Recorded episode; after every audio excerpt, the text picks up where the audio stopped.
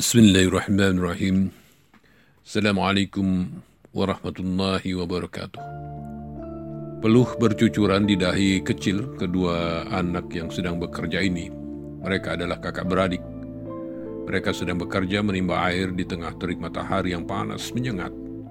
Semenjak ayahnya meninggal, mereka rela membanting tulang bekerja kepada orang Yahudi yang kaya raya tapi kikir dan kejam demi membantu ibundanya. Mereka terlahir di tengah-tengah kondisi keluarga yang amat miskin. Keduanya berwajah tampan dengan rambut yang ikal. Sang adik kondisi tubuhnya lebih lemah dan sakit-sakitan. Wajahnya yang cekung tampak memerah oleh panasnya udara padang pasir di bawah panas terik. Ubaid, nama sang kakak, berhenti menimba dan berkata pada adiknya, Zaid, beristirahatlah sejenak, biar aku yang melakukan sendiri. Zaid tersenyum di antara wajah yang lelah. Dia mengelengkan kepala. Tidak kak, nanti tuan kita marah-marah lagi seperti kemarin. Ubaid berusaha membujuk adiknya. Tuan kita sedang pergi ke pasar. Lagi pula kamu kan sudah bekerja keras dari pagi tadi. Beristirahatlah dia. Pekerjaan ini sebentar lagi selesai. Akhirnya Zaid pun beristirahat dia berteduh di bawah sebatang pohon kurma. Tubuhnya memang selalu sakit-sakitan sejak ia lahir. Untungnya Ubaid adalah kakak yang baik dan sayang kepadanya. Angin berhembus pelan-pelan, dan Zahid yang kelelahan itu pun tertidur tanpa terasa. Tiba-tiba datanglah seorang laki-laki gemuk naik keledai yang kuat, namanya Raban. Dia seorang Yahudi yang kaya raya, dialah tuan dari Ubaid dan Zaid.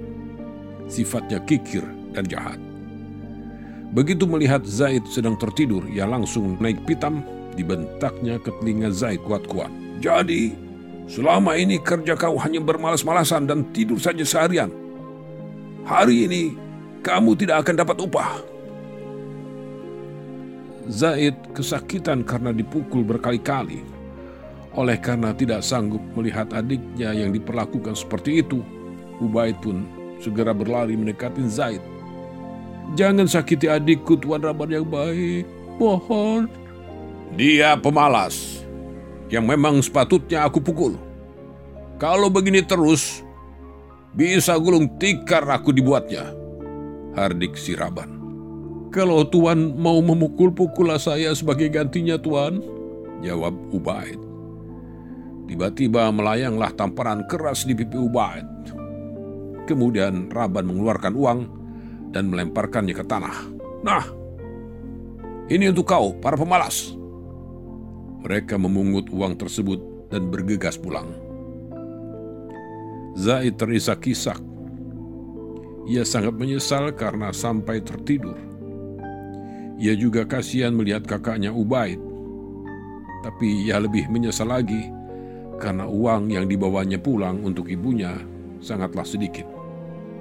Ya, andai saja ayah mereka belum meninggal, kehidupan mereka mungkin tidak akan sesulit ini.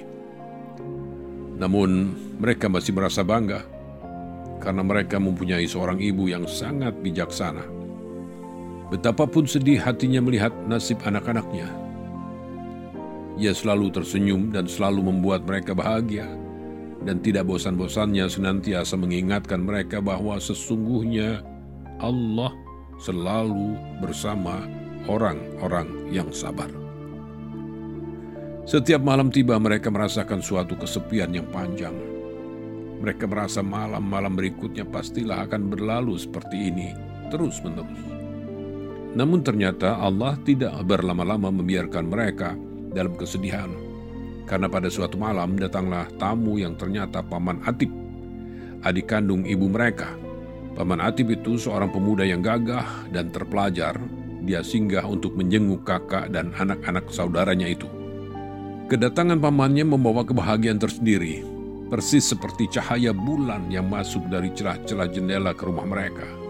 Selama beberapa hari mereka tidak perlu bekerja terlalu berat, karena Paman Atib membantu untuk memenuhi kebutuhan mereka sehari-hari. Yang membahagiakan mereka berdua adalah dikala setelah selesai sholat isya, karena Paman Atib selalu bercerita tentang Rasulullah Sallallahu Alaihi Wasallam. Paman Atib memang pernah mengunjungi Madinah dan beberapa kali bertemu Nabi Muhammad Sallallahu Alaihi Wasallam. Ubaid dan Said sangat bahagia sekali jika pamannya bercerita mengenai Rasulullah. Saat larut malam ketika semua makhluk terlelap, Zaid kecil terbangun. Sayup-sayup terdengar suara paman Atib sedang melaksanakan sholat tahajud. Perlahan, Zaid pun bangkit dan pergi ke sumur. Dibasuhnya tubuh yang kurus dengan air wudhu. Subhanallah, ucapnya sambil mengagumi langit malam yang gemerlap. Teringat ia akan syair musafir yang pernah lewat hendak menuju Madinah yang didendangkan dengan penuh rasa cinta tentang kebesaran Rasulullah Muhammad. Setelah berwudu, perlahan Zaid berdiri di samping Paman Atib dan kemudian melakukan salat tahajud. Selesai salat, mereka berdua duduk menghadap jendela sambil menikmati cahaya bulan yang amat mempesona. Paman panggil Zaid dengan nada sayu. Paman Atib menoleh ke arah anak saudaranya itu. Ada apa Zaid? Tanyanya sambil tersenyum. Benarkah paman besok akan pergi? Tanya Zaid sambil tetap menatap bulan. Paman Atib terdiam sejenak. Ya, Zaid, paman harus pergi. Jawabnya kemudian. Pergi ke mana paman? Tanya Zaid.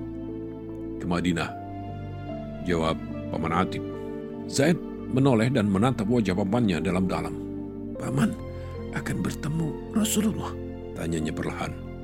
Paman Atib tersenyum dan mengangguk. Ya, insya Allah. Apakah Rasulullah seorang yang kaya raya, Paman? Tanya Zaid.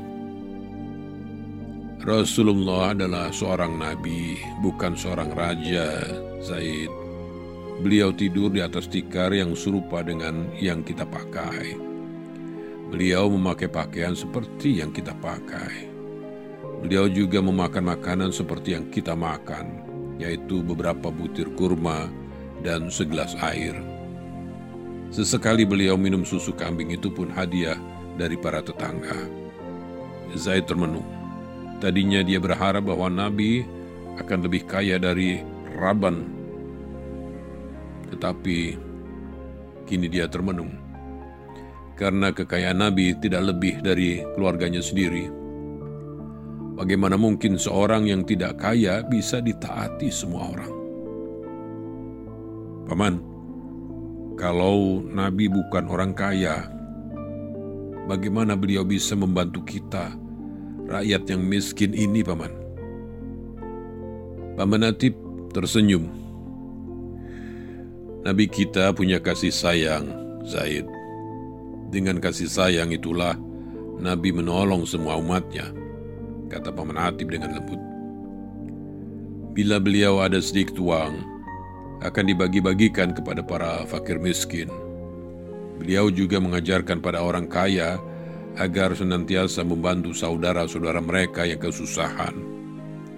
Kasih sayang Nabi tidak terbatas, Zaid. Kasih sayang Nabi meliputi seluruh alam. Bila seseorang memberi kasih sayang, ia akan diberi kasih sayang pula oleh Allah dan orang-orang lain, kata Paman Hatib. Zaid termenung lagi. Walaupun Raban kaya, tetapi ia tidak disayangi orang karena sifatnya yang kejam. Kekayaan Raban tidak ada artinya dibandingkan kekayaan kasih sayang Nabi. Paman, kalau kasih sayang Nabi seluas alam ini, berarti Nabi juga menyayangi anak-anak. Tanya Zaid penuh harap. Paman Atib meraih Zaid dan mendudukannya di pangkuannya. Bila Rasulullah bertemu anak-anak, Beliau selalu menyapa mereka dan mengajaknya tertawa, kata Paman Atib. Beliau sering mengajak mereka berlomba lari dan memarahi orang dewasa yang berlaku jahat kepada anak-anak. Tanpa terasa air mata Zaid mulai berlinang. Benarkah di dunia ini ada orang sebaik itu? Pikirnya dalam hati. Perlahan-lahan timbul rasa rindu di hati Zaid. Lalu Paman Ati berkata lagi, tetapi yang lebih besar dari semua itu adalah pengorbanan beliau di jalan Allah. Tahukah engkau, Zaid, ketika Rasulullah berdakwah seorang diri ke Taif, Beliau malah dilempari batu oleh orang-orang bodoh itu sambil bersorak. Zaid melompat dari pangkuan Atib dan bertanya dengan wajah tegang. Dilempari batu, Paman. Lalu apa yang terjadi, Paman? Apa yang terjadi, Paman? Tubuh dan kaki beliau terluka. Sehingga sepanjang jalan kota Taif bercucuran bercak-bercak darah suci yang mengalir dari luka beliau. Jawab Paman Atib dengan murung. Tubuh Zaid terasa lemas, kepalanya tertunduk seraya jatuh berlutut. Subhanallah, subhanallah. Bisiknya tersendat-sendat. Mendadak ia menggenggam tangan Paman Atib erat-erat, kemudian ia mendongakkan kepala dan memandang wajah Paman Atib lekat-lekat. Matanya berkaca-kaca, namun sorot matanya penuh dengan kemarahan. Paman, ujarnya. Bersumpahlah dengan nama Allah yang maha perkasa bahwa paman akan menghunus pedang dan saya akan menyiapkan persiapannya. Lalu kita hancurkan kota orang-orang kafir itu sampai Allah memberi kemenangan atau kita mati syahid. Paman Atib membalas tatapan Zaid, sementara kedua tangannya memegang bahu Zaid erat-erat. Paman Atib menggeleng-gelengkan kepalanya perlahan. Zaidku, katanya dengan penuh rasa kasih sayang. Rasulullah adalah suri tauladan, bukan begitu? Zaid menganggukkan kepalanya perlahan, sementara air matanya makin menggenang. Tahukah engkau, wahai Zaid, apa yang dilakukan Rasulullah setelah menerima perlakuan kejam itu? Zaid menggeleng disertai air matanya yang mulai mencair dan meleleh di pipinya. Apakah Rasulullah akan memohon agar Allah menghukum orang-orang itu? Padahal setiap doa beliau akan dikabulkan Allah. Apakah Rasulullah akan memohon agar kota Taif dihancurkan? Tanya Paman Atib bersungguh-sungguh. Ternyata tidak, wahai Zaid. Rasulullah malah memohon agar Allah memaafkan mereka semua. Zaid semakin terseduh-seduh karena terharu. Tak pernah didengarnya ada manusia sebaik dan seagung itu. Paman Atib memeluk Zaid kecil di dekapnya ke dadanya. Ia mengelus punggung Zaid sambil berbisik. Dan setelah bertahun-tahun berlalu, akhirnya orang-orang Taif memeluk Islam.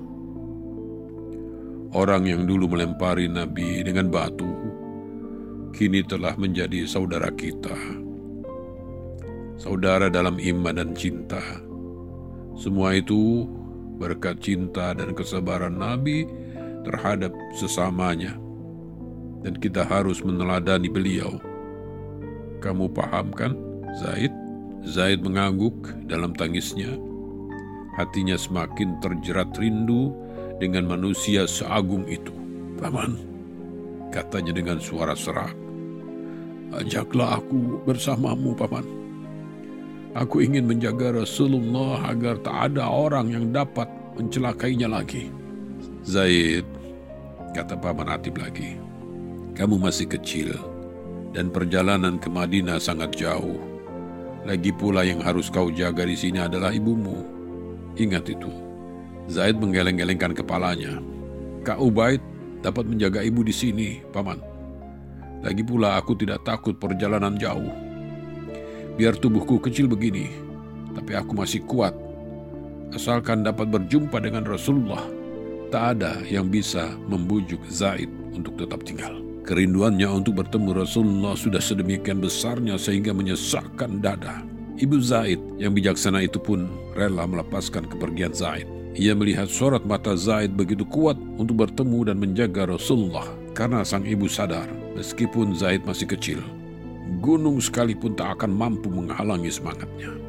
Akhirnya berangkatlah Zaid bersama paman Atib ke Madinah.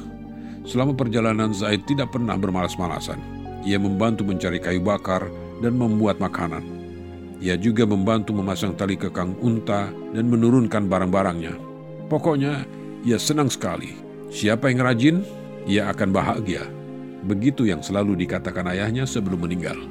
Tak terasa setelah berhari-hari mereka melakukan perjalanan berat sampailah mereka di pinggir kota Madinah Hati Zaid begitu berbunga-bunga. Besok aku akan bertemu Rasulullah. Pikirnya dengan hati berdebar-debar karena senang. Malam itu Zaid tidak bisa tidur. Ia ingin matahari segera terbit. Keesokan harinya mereka memasuki kota Madinah. Namun suasana Madinah diliputi awan mendung. Di mana-mana terlihat kesedihan. Kaum wanita maupun laki-laki terlihat terisak menangis. Dan wajah mereka menampakkan kesedihan yang menggambarkan seakan-akan ada sesuatu kejadian yang sulit dipercaya. Bertanyalah Paman Atib kepada mereka, Wahai saudaraku, ada apa gerangan? Kenapa seisi Madinah terlihat berduka? Nabi telah wafat. Inna wa inna ilahi roji'un. Dada Sa'id tiba-tiba terasa sesak. Seorang nabi sekaligus ayah mereka. Seorang pemimpin sekaligus sahabat mereka telah tiada. Siapa takkan sedih? Bahkan pelepah-pelepah kurma pun merunduk, sementara angin pun tidak bertiup. Seluruh alam benar-benar berduka. Zaid tak dapat menahan rindu. Berita tersebut seakan langsung membuatnya lemas. Tiba-tiba semua perjalanan jauh yang tak terasa itu datang kembali. Tiba-tiba semua penyakit yang diderita dulu kini mencengkeram kembali. Malam itu Zaid jatuh sakit. Tubuhnya menggigil kedinginan. Paman Atib berjaga semalaman. Akan tetapi menjelang subuh panas badan Zaid turun. Zaid meminta pamannya membawanya keluar halaman. Aku ingin melihat bintang, katanya lirih. Maka dibopongnya tubuh Zaid yang terbungkus selimut itu Dibawanya Zaid hingga ke sebuah bukit, supaya Zaid dapat memandang bintang sepuasnya. Paman, ucap Zaid sayu. Setelah ayah meninggal, seorang tabib yang baik hati pernah memeriksa tubuhku yang sakit-sakitan ini, Paman. Kata tabib, hidupku hanya tinggal beberapa bulan lagi. Yang tahu hal ini hanya Kak Ubaid. Ibu tidak kami beritahu karena takut beliau sedih. Selama perjalananku, aku berusaha menahan semua sakit ini, Paman. Agar bisa bertemu Rasulullah. Tetapi Allah berkehendak agar kami bertemu di tempat yang lebih indah dari dunia ini. Betul kan, Paman? Paman Atib mengangguk perlahan sambil mendekat tubuh Said. Sayup-sayup terdengar suara syair musafir Tiada lagi indah bintang-bintang di langit, karena bintang yang terindah telah tiada. Tiada lagi sejuk cahaya bulan, karena cahaya tersejuk telah tiada. Ya Muhammad, penuh rindu ku datangi kota ini. Namun kau biarkan aku sendiri menunggu di dunia fana ini. Ya Muhammad, kalaupun tak kujumpai engkau di sini, janganlah kau palingkan wajah dariku bila kita bertemu suatu saat di akhirat nanti. Zaid tersenyum. Sorot matanya perlahan-lahan terkatup dan tertutup selamanya. Ia telah kembali kepada pangkuan Allah Subhanahu wa Ta'ala, Sang Maha Pencipta. Inna lillahi wa inna ilaihi roji'un. Selamat jalan Saidku. Sampaikan salam paman buat Rasulullah. Bisik paman hati penuh kehibaan Angin malam berhembus perlahan, seolah-olah berkata, Alangkah berbahagianya orang-orang yang beriman. Mereka bersaudara di dunia dan bersaudara di akhirat. Saya Edias Abdullah. Assalamualaikum warahmatullahi wabarakatuh.